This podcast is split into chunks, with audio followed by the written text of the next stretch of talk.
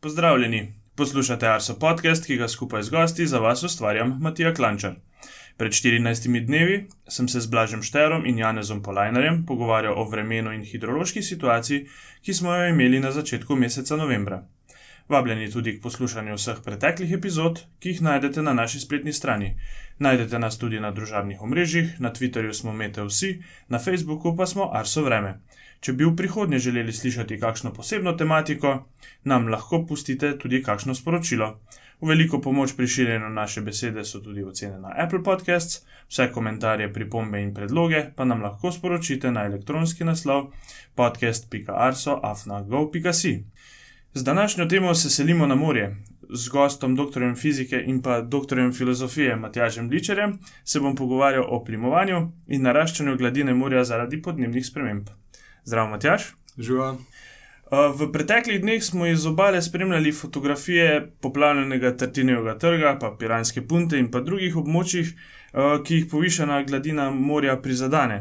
Pa me zanima za začetek, če lahko razložiš, kako sploh pride do samega plimovanja in pa kaj so tisti bistveni pogoji, da imamo recimo v Piranu poplavljen Tartinjev trg. Uh, ja, živijo. Um... Jaz bi najprej uh, mogoče vzpostavil neko uh, razliko med tem, kaj je plimovanje, pa med tem, kaj je gibanje gladine morja.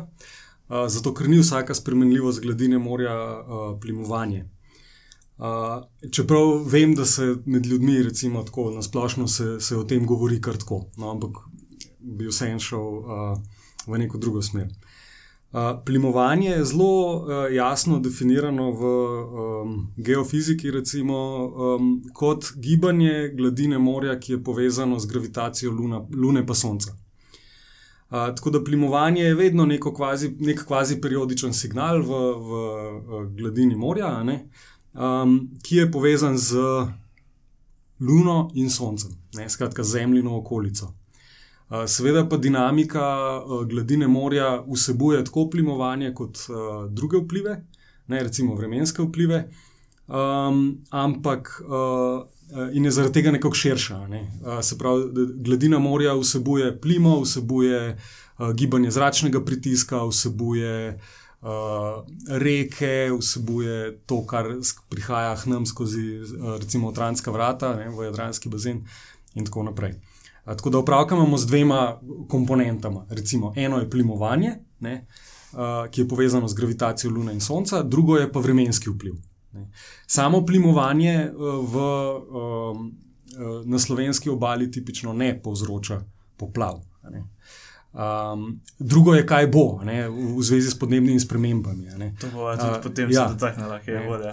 Točno tako, ne, o tem še kaj več kasneje. Ampak samo plimovanje pač zaenkrat ne poplavlja nikoli. Um, zato rabimo vremenske vplive.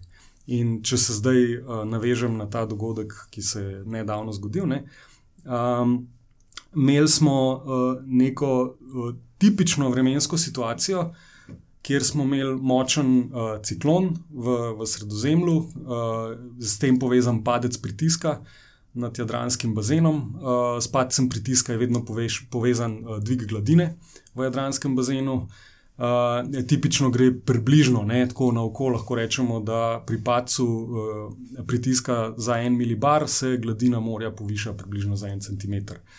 Uh, tako da, recimo, ob tipičnem ciklonu, če nam pade za 10-20 milibarov, ne, to pomeni 10 do 20, tudi lahko 30 centimetrov dviga gladine v severnem Jadranu.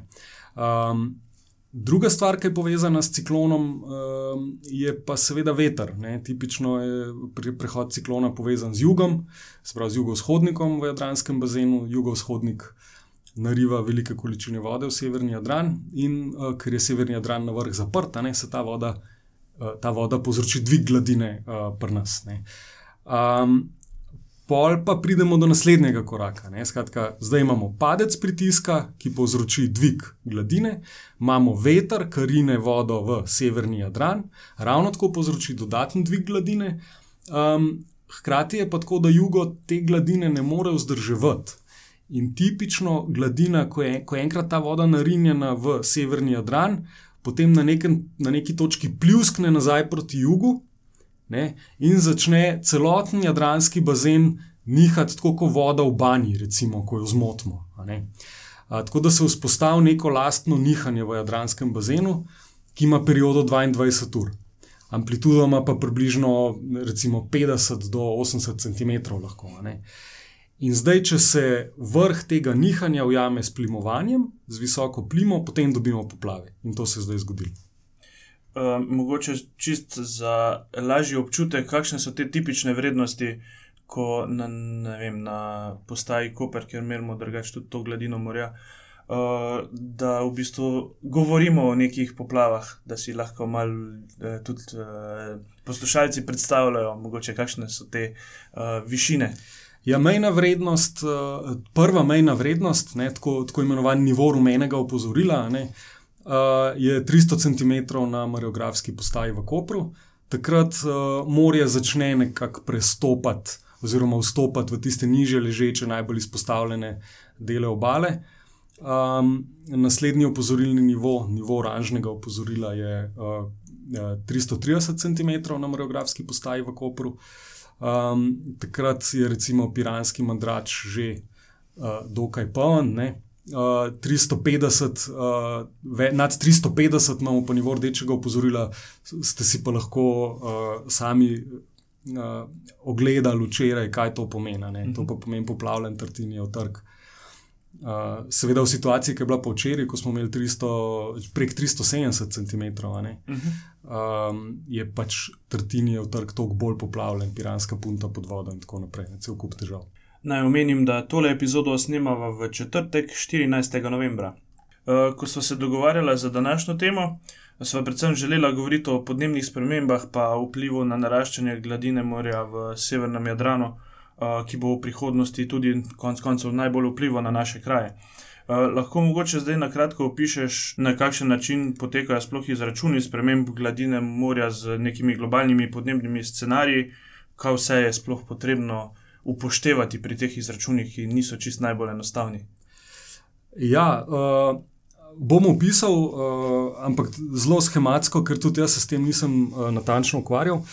Um, zdaj tako, ne gladina morja je nekaj, kar si sicer zelo dobro predstavljamo, kaj pomeni. Ne? Vsak ima nek vtis o tem, kaj, kaj, kaj pomeni uh, to, da je voda globoka 2 metra ali pa da je 3 metra ali tako naprej.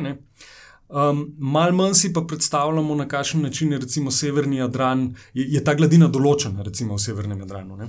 Um, problem je v tem, ne, da seveda vi ne morete, uh, vi ne morete imeti nekdo nekje na planetu, močno povišene gladine uh, morja, ne da bi se to poznali najprej v okolici, pa potem po celem svetu.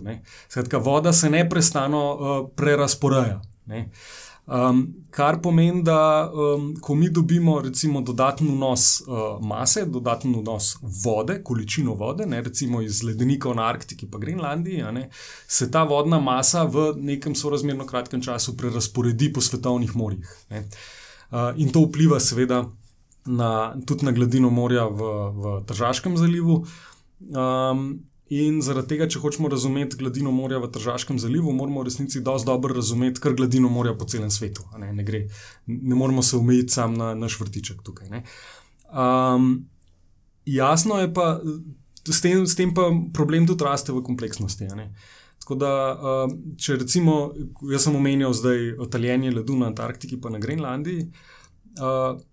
Problem je v tem, da ko se recimo led tali, ne, s tem ledna masa zginja iz kontinentov, zginja iz Grenlandije, zginja iz Antarktike in na ta način manj pritiska na, na zemljino skorjo, recimo na, recimo na litosfero.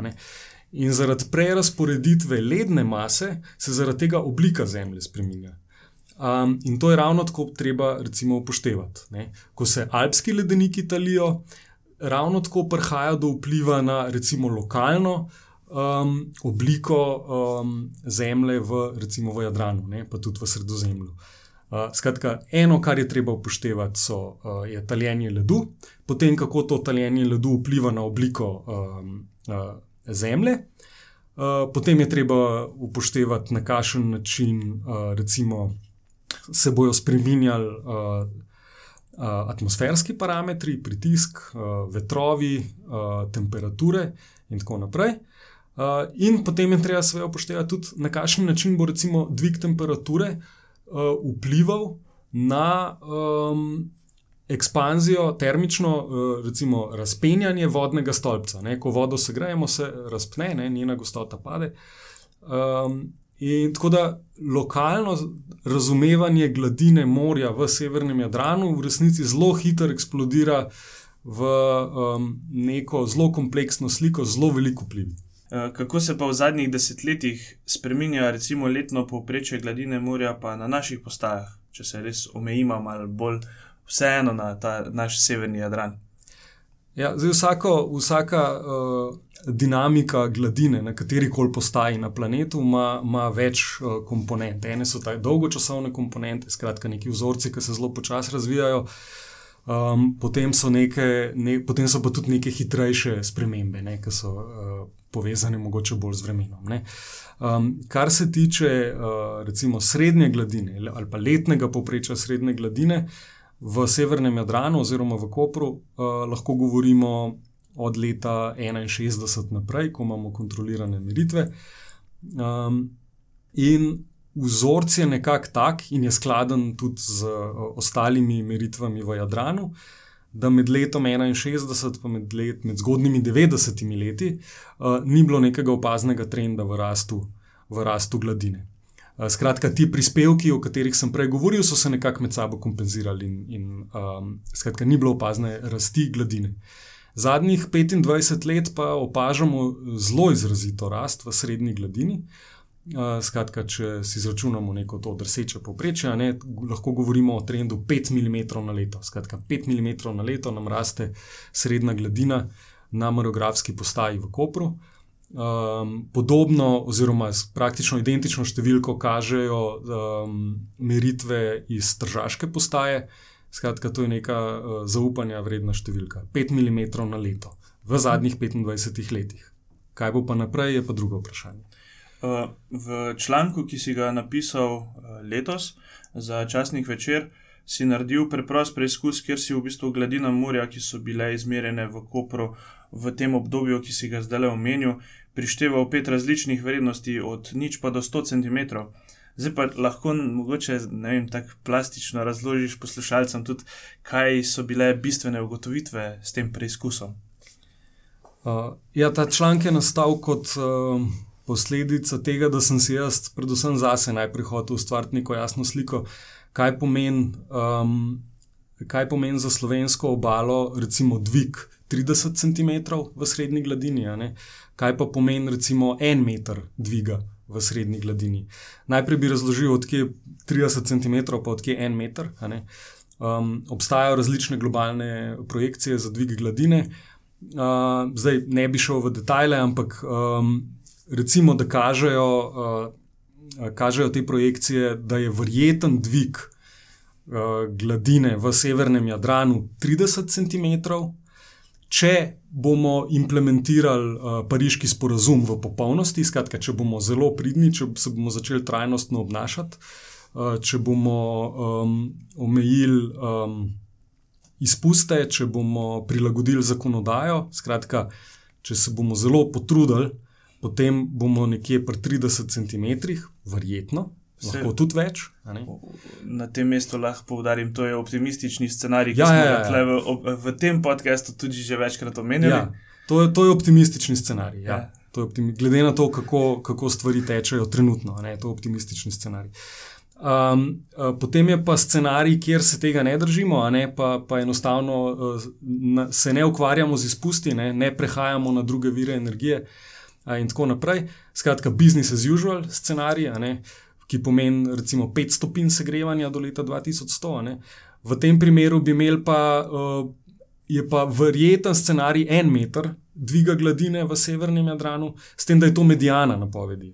Se pravi, pol, pol projekcij v resnici kaže več kot en meter, uh, tudi prek treh metrov.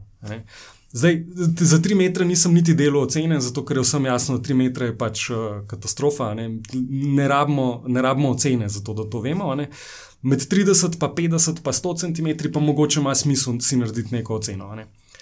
Um, No, skratka, po naj, najbolj optimističnem scenariju, srednja gladina do leta 2100 zraste za 30 cm.